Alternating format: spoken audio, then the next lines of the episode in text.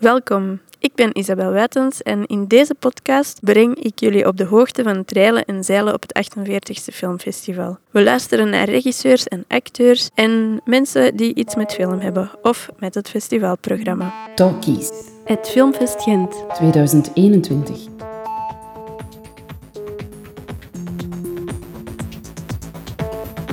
Welkom. In deze aflevering heb ik het met Margot Schaap over haar langspeeldebuut Drijfzand. We komen te weten welk soort film Margot wil maken en hoe zij dat doet. Veel luisterplezier. Susan, your mother. Did you know she's back?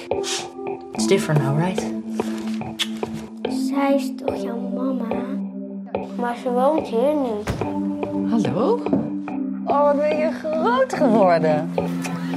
Oh, wat heerlijk om hier te zijn, zeg. En mis je de stad nooit? Mama, vertel nou even wat er is gebeurd. Ik was bij de dokter en nou blijk ik een tumor of zoiets in mijn hoofd te hebben. Maar het is vast allemaal niet zo erg als het lijkt. Hallo, ik ben Margot Schaap, scenarist, regisseur van Drijfzand. En ik ben in Gent.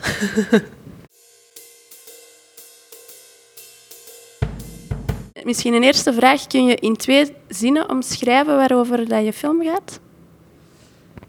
Ehm, Drijfzand is een psychologisch drama over een eh, complexe moeder-dochterrelatie en over het doorgeven van patronen van generatie op generatie binnen families. Dat was snel. Zeer kort. En ehm, hoe ben je bij dit thema gekomen? Het doorgeven van ehm, patronen op, van generatie op generatie. Is dat iets dat je zelf in jouw leven hebt gezien? Eh, ik begon met schrijven aan deze film toen ik zwanger was van mijn oudste dochter. En eh, ik dacht van, oh jee, er zit nu een mensje in mijn buik en die gaat straks geboren worden. En eh, wat ga ik allemaal doorgeven wat ik van mijn moeder heb gekregen en zij weer van haar moeder en wat in die relatie zat. Wat zich ook weer op een andere manier, maar toch weer heeft vertaald in de relatie met mijn moeder. Dus dat was uh, de, de, de kiem voor het plan eigenlijk. Dat ik gefascineerd was door hoe moeilijk het is om dat soort patronen te doorbreken of om te buigen.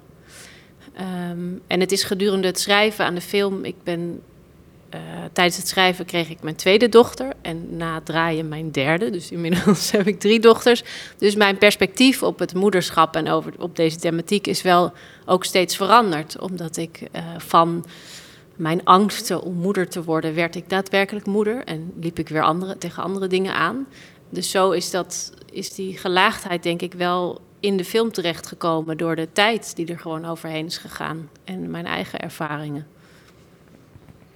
En toen mij zo denken aan, je hebt zo een liedje en uh, ik lijk steeds meer op jou. Of toen mij daaraan denken. Uh, ik, het is zoiets dat je niet kan ontsnappen aan, aan wat er in jou zit en, en wat dat je meegekregen hebt van, van je ouders. Ja, ja en ik, ik denk ook hoe je ook het went of keert. Um, kijk, als er een bepaalde thematiek speelt in een relatie met jouw moeder bijvoorbeeld... en met jouw kind wil je het heel anders doen, dan nog gaat het over die thematiek. Dus dan kan je wel denken, nee, ik ga dat echt helemaal van de andere kant aanvliegen. Maar het, gaat, het is nog steeds het onderwerp van de relatie. En in die zin is het denk ik ook bijna niet uh, aan te ontkomen. Heb je zo zelf een voorbeeld daarvan? Um, nou, ik denk wat ook wel in de film zit, dat het bij mij heel erg gaat over in, in hoeverre um, over afstand en nabijheid. Dus in hoeverre, hoe, hoe uh, veilig moet het zijn om toch afstand te kunnen nemen?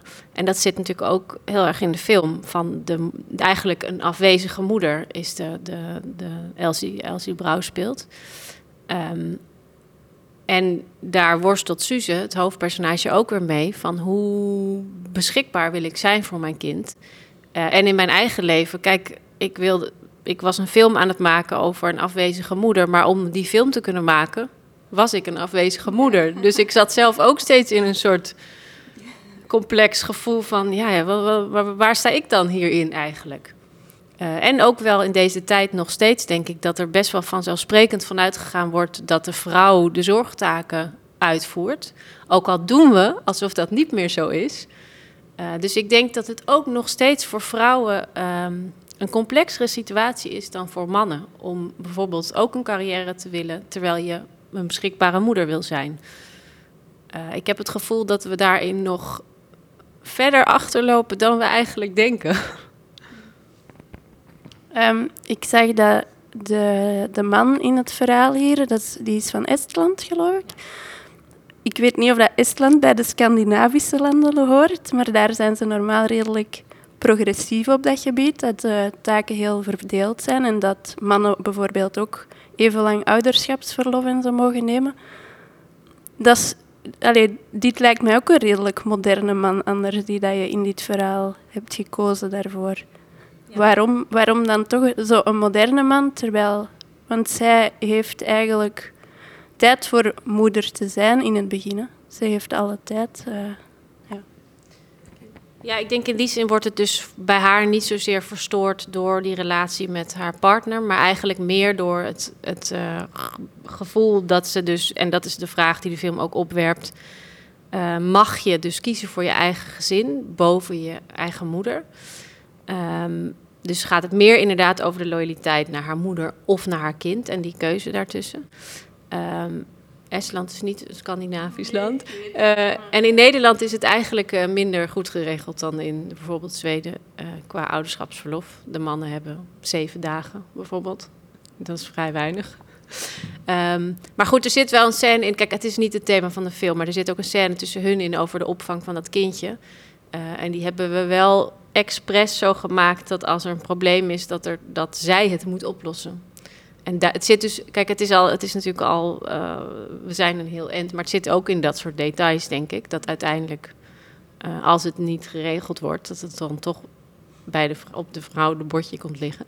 Maar in, in deze film, eh, dat is eigenlijk meer een, een, een, een zijthema. Want belangrijker voor de film en voor haar personage is... mag je, als je ervaart dat dus de relatie met je moeder zoveel, uh, zo complex is eigenlijk en je, dat zo destructief is, los van dat er iemand de schuldige is, maar dat er een bepaalde dynamiek is waardoor dat zo is, mag je als kind dan zeggen: ik kies voor mijn eigen gezin. Uh, uit lijfbehoud en uh, ik sluit het af eigenlijk. Dat is de vraag. Ja, dat is de zoektocht. Hè? Ja. Ik zou zeggen ja, maar zijn, verdeeld waarschijnlijk, want het is niet zo evident. Hè. Je ziet ook de mooie kanten van hun relatie, van de relatie met de, met de moeder. Dus ja, het is geen evidente. En iedereen heeft dat in zijn eigen leven ook wel een beetje, dat je moet zoeken naar een evenwicht wat je leven ja, haalbaar maakt. Want je kunt niet de dochter zijn die dat je in zijt als je klein bent als je groot wordt. Nee.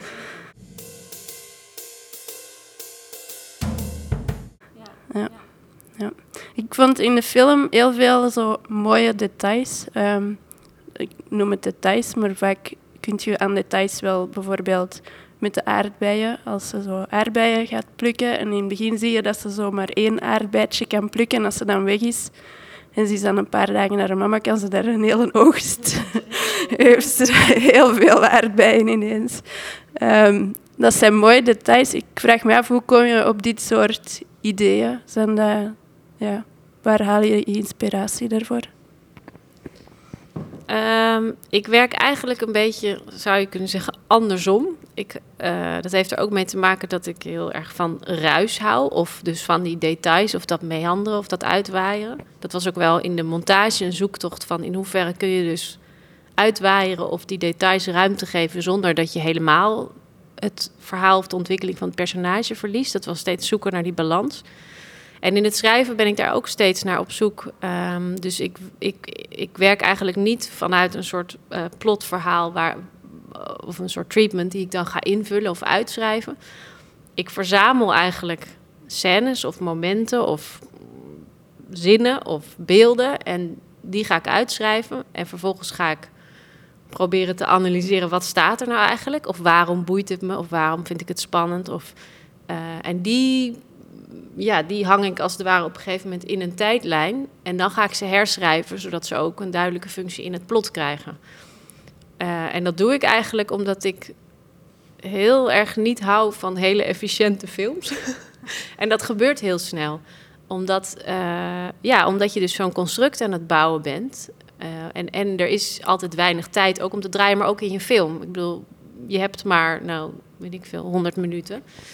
Um, en die efficiëntie, dat is, vind ik heel doods vaak. Dus ik, ik, ik draai, ja, ik, ik schrijf eigenlijk andersom in de hoop dat die rafeltjes of die ruis uh, erin blijft. En je daar, daardoorheen dan het plot kunt voortstuwen, zeg maar. En die ruis, leidt dat dan direct tot een drama eigenlijk? Is dat, is dat dan het genre waar je dan automatisch naar op zoek gaat via die ruis, omdat je, je stelt jezelf een vraag en probeert van daaruit te werken. Um, en dat is niet de meest efficiënte weg, hoor ik. um, ja, is dat, is dat dan Margot Schaap, is dat dan de, de richting die je in, in de toekomst altijd gaat uitgaan? Eerder die diepzinnige drama's? Of? Mm, ja, ik denk wel dat het, dat het vanzelf altijd gewoon over mensen en relatie en verhoudingen zal gaan, omdat dat is wat me intrigeert, wat ik boeiend vind. En ook de dingen die ik dan zie, die ik boeiend of bruikbaar vind, gaat eigenlijk altijd uiteindelijk over een mens. um, en ik vind het mooi om via, en dat gebeurt heel veel als je goed om je heen kijkt, in de kleine alledaagse dingen. Dus dat je in klein iets nou, ik zag bijvoorbeeld vorige week nog, dacht ik, dat kan een scène zijn. Iemand in de supermarkt en die flipte echt omdat je alleen nog maar de groenten in grote verpakkingen kon kopen. Dus die werd echt kwaad van waarom is het, kan je alleen maar een soort uh, gezinsverpakking kopen. En geen single verpakking. Toen dacht ik, ja, dit is een heel suf alledaags iets. Maar hij werd zo buitenproportioneel boos erom. Dat je toch, ja, dan gaat er iets malen van zou die uh, inderdaad eigenlijk onvrede hebben over het single zijn. Zou die net gescheiden zijn? Zou die, weet ik het allemaal. Maar ik vind het dus mooi om aan de hand van die kleine alledaagse dingetjes dat grotere verhaal te vertellen. En ook dat het niet zo, uh, dat je natuurlijk ziet ook in het gewone leven, dat heel vaak het veel uh, tegenstrijdiger is dan je zou denken. Van hoe vaak is iemand die boos is, gaat daadwerkelijk schreeuwen. Hoe vaak gaat iemand die verdrietig is echt? Heel vaak is het via rare omwegen hoe we ons gedragen. En uh, ja, maar in die situatie gaat het me dus wel altijd over de mens of de relaties onderling.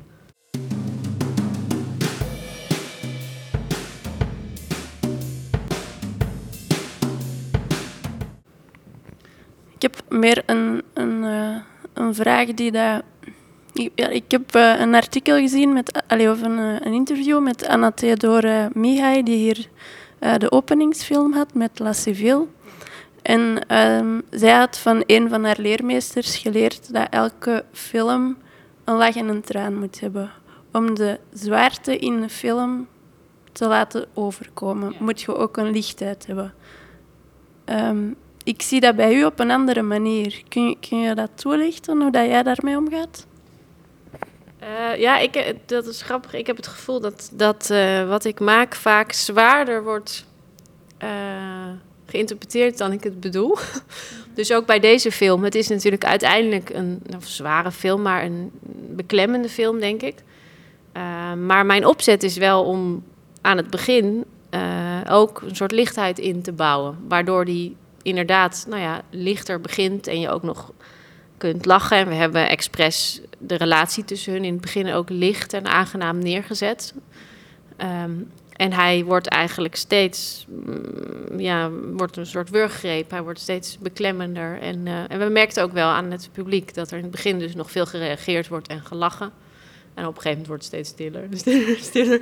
Dat is wel de bedoeling, ja. Omdat ik daar ook, ik geloof daar ook wel in, ja. Omdat om die beklemming te voelen, moet je eerst een soort wel open zijn. Um, en dat, dat werkt vaak met ja, humor is, klinkt meteen heel um, als een dijenkletser, zeg maar. Maar ehm, dat, dat kan je natuurlijk wel inzetten om, om een soort openheid te krijgen. Waardoor het daarna hopelijk nog beter binnenkomt. Ehm, ik vond de twee karakters, um, ik moet even nadenken, Suze, en Helena en um, Hanna van Vliet en Elsie de Brouw, ik vond die zeer goed gekozen.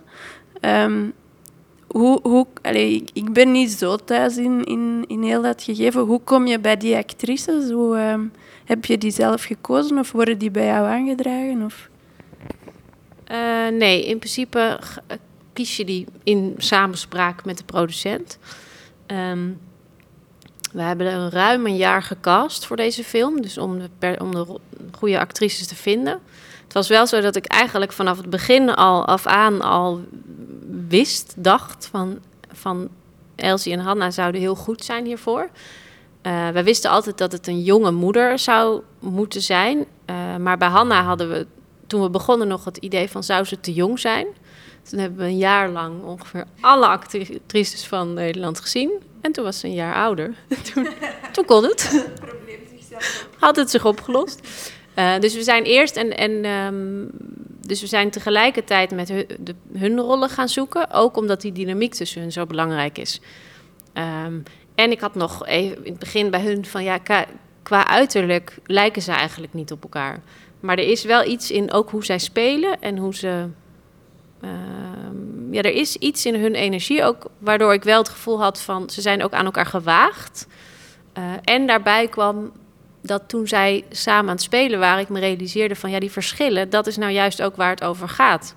Dat zij een dochter heeft gekregen, uh, Helena, die echt een heel ander type mens is. Uh, dus die heel anders reageert en andere dingen eigenlijk nodig heeft. Uh, dus toen had ik zo'n gevoel van, ja, dat, is, dat, dat moeten we juist ook gebruiken. Dat is ook juist zo krachtig eraan. Ja, ze maken andere keuzes in hun leven. Hè? Ja. Kun je daar iets over zeggen? Um, nou, in, in, in de film, kijk, Helena, de, de, de oudste generatie, zeg maar, die heeft uh, altijd gekozen voor een carrière en voor werk op nummer één. En heeft besloten om haar dochter door, bij, haar bij haar ouders te laten opgroeien op uh, Texel, Waddeneiland. Um, en Suze heeft ervoor gekozen om juist uit de stad weg te trekken en met haar gezinnetje in een hele beschutte, rustige, veilige omgeving te leven en haar kind groot te brengen. Met dus een grote aanwezigheid van zichzelf. Um, en in de film zie je ook wel dat zij dus haar moeder achterna gaat in de stad. Als ze elkaar, als weer contact hebben. En ook wel verleid wordt door de prikkels in de stad en de reuring. En de, dus het is ook niet zo eenduidig. Zij heeft ook, om dat, die gelukkige harmonie te moeten bewaren, heeft zij natuurlijk stukjes van zichzelf moeten uitzetten. En dat ervaar ik ook wel. Kijk, als ik een goede moeder wil zijn, moet ik allemaal stukjes van wat goed is voor mijn werk, moet ik uitzetten eigenlijk. Om, om een goede filmmaker te zijn, moet ik stukjes van mijn moederschap toch wel uitzetten. Dus alleen al in praktische zin. Kijk, als ik, als ik uh, wil investeren in mijn werk, moet ik uh, met uh, mensen praten, moet ik lezen, moet ik zien, moet ik ehm, uh, dat kan niet als ik beschikbaar wil zijn voor mijn kinderen. Dus die, die, tegen, het is die tegenstrijdigheid, daar, daar komt zij ook een beetje mee in aanraking... doordat zij dat leven van haar moeder instapt eigenlijk. Ik ben een beetje afgedwaald, wat was je vraag? Sorry. Oh ja, over nee, over dat ze zulke andere keuzes maken... en zulke andere karakters zijn, inderdaad. Uh, en dat ik dat dus juist ook spannend vond aan dat er in Elsie en Hanna ook zo'n uh, dat die ook wel heel, juist heel anders zijn. Dat ik dacht, dat komt daar ook wel mooi in, ja, in naar voren. En we hebben dus eerst hun gevonden, gezocht. Um, en ben ik met hun gaan werken om erachter te komen van hoe zit dat dan precies, die dynamiek. Uh, en toen hebben we het kindje zeg maar erbij uh, gezocht. Ook in nauwe samenwerking met Hanna, zodat ik steeds ook weer kon onderzoeken van hoe is hun chemie en hoe klikt dat? En omdat dat natuurlijk heel belangrijk is om te geloven dat zij die uh, moeder-dochterband hebben. Ja, voor, voor België. Um, Hanna heeft ook uh, op VRT gedraaid met Anna. Anne. Anne Plus. Anne Plus, oh, ja, ja, ja, ja, ja. Ik denk dat we daar haar van kennen. En nu is dat denk ik nog altijd te zien op online in België. Dus dat is wel op die manier is zij hier al wel gezien. Ja. Ehm, ja, zij kan wel veel, een veelzijdig karakter spelen hè, en wat gelaagdheid brengen in een rol.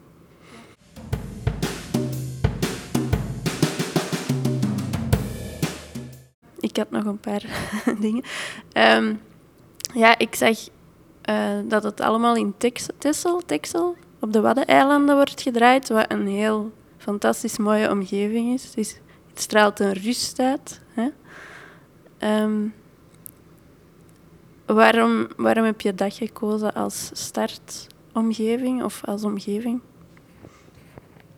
Uh, nou, wat ik mooi vond is dat Texel heel letterlijk, het, is een eiland, dus um, zij heeft zich eigenlijk, nou, wat ik net ook zei, van om die gelukkige, harmonieuze wereld te creëren, um, heeft zij ook bepaalde dingen moeten afsluiten in zichzelf. En dat vond ik mooi gesymboliseerd door zo'n eiland waar het heel rustig is, maar ook dus omgeven door water, los van het vasteland. Um, en ik wilde eigenlijk dat nog benadrukken, of dat gevoel eigenlijk nog de film inbrengen, um, doordat haar man Est is. En zij, op het moment dat zij steeds meer weer naar dat vasteland wordt toegetrokken, naar haar moeder toe, uh, gaat de vader met dat kindje ook steeds meer Est praten. Wat zij waarschijnlijk een klein beetje kan volgen, maar niet helemaal. Het is in elk geval niet haar taal. Uh, en dat vond ik ook een mooi gegeven om dat te benadrukken. Dat ze eigenlijk ook van elkaar steeds meer eilandjes worden op dat eiland. Symboliek. Ja. Ook, hè? En ook dat ze dan met die boot altijd, die veerboot, oversteekt en van de ene wereld naar de andere gaat. En, uh, ja, dat was, dat was heel allee, dat was mooi om te zien. Ook op die boot gebeurt er ook van alles met haar, dus ja. dat, is, dat is wel boeiend.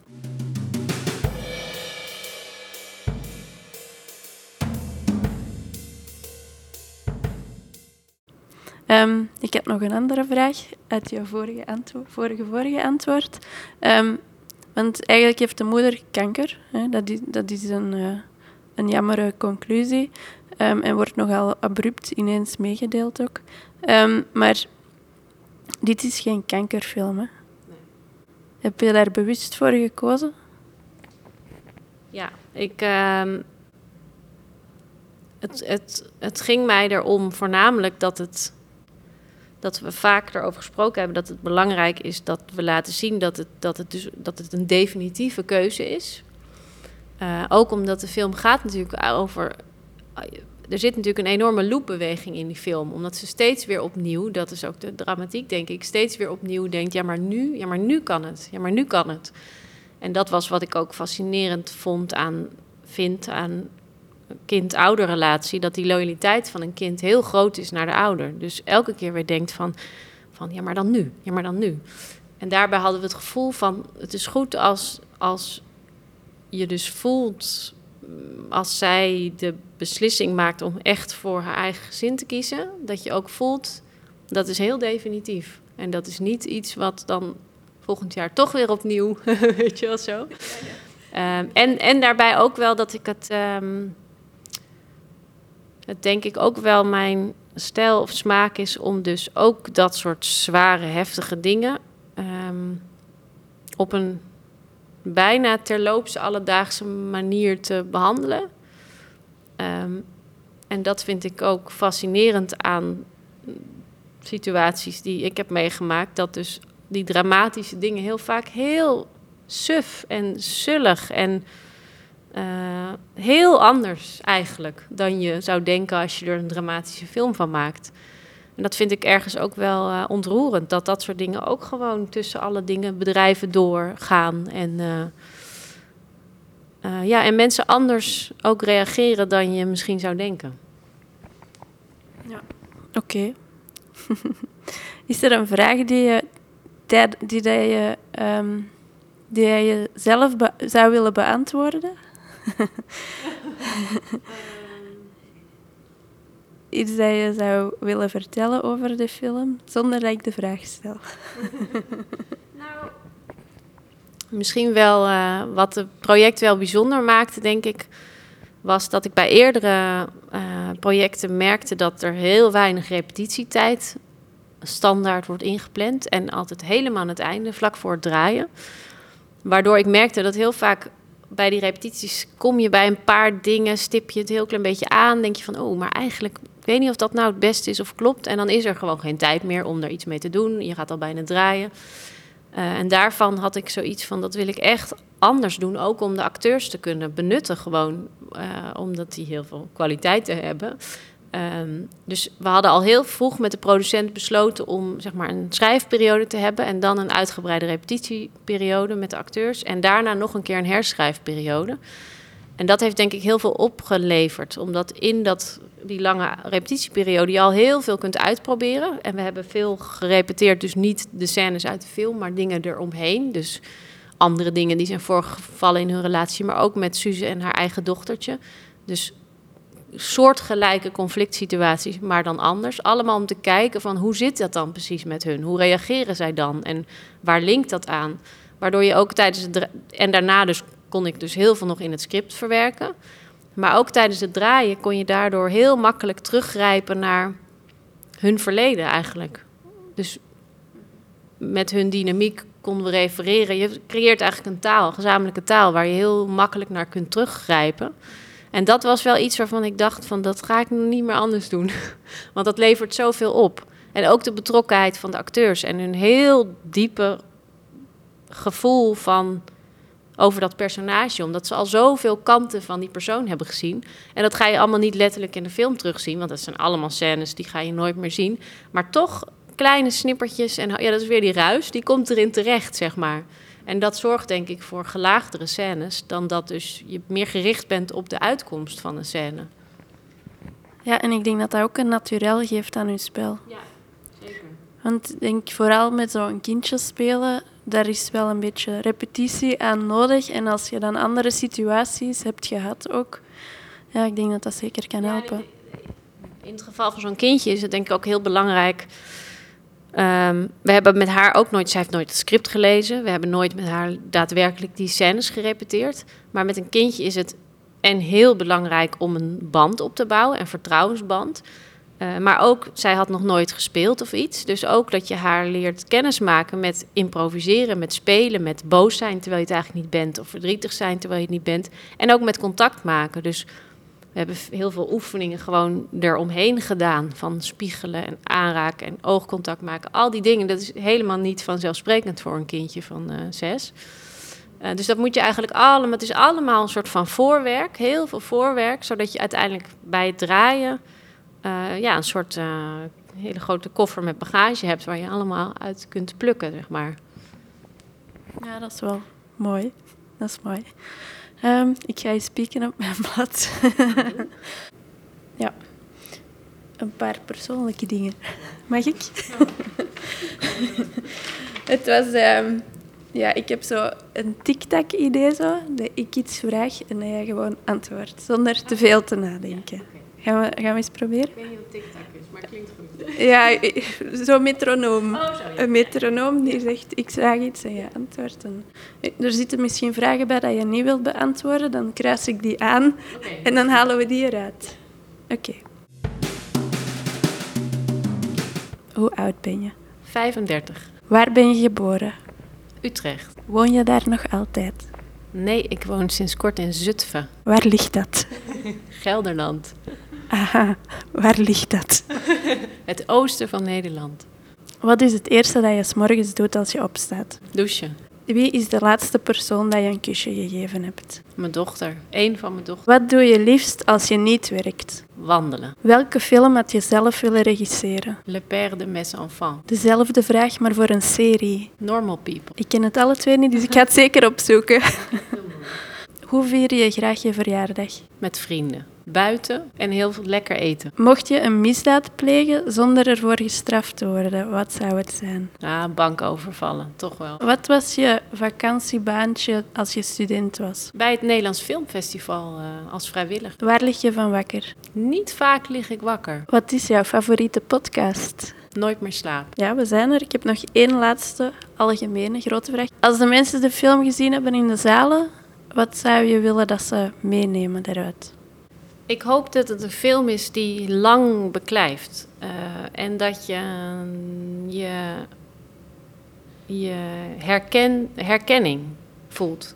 Want ik denk dat heel dat, dat de moeder-dochterrelatie of moeder-kindrelatie heel gecompliceerd is. En dat we denken dat die allemaal heel makkelijk moet zijn, omdat die zo vanzelfsprekend is en de hele tijd voorkomt. Uh, dus ik hoop dat je een soort troost krijgt uit de film. Oké, okay, mooi. ik heb dat wel. Ja, oh. Ja. Ik krijg van heel veel mensen uh, de reactie dat ze de nacht daarna het zien van de film uh, over hun moeder dromen. Nou ja. Dat vond ik heel mooi. Ja, ik wou ook mijn ouders zien eigenlijk ja, daarna. Ja, je hebt het gevoel dat je ervoor moet zijn ook ergens. Ja, ja. Oké, okay, dankjewel Margot Schaap. Dit was weer een nieuwe aflevering van Talkies at Filmfest Gent. Bedankt om te luisteren. Deze podcast is een samenwerking tussen Filmfest Gent en Isabel Wuitens. Abonneer je en krijg een melding als er een nieuwe aflevering beschikbaar is.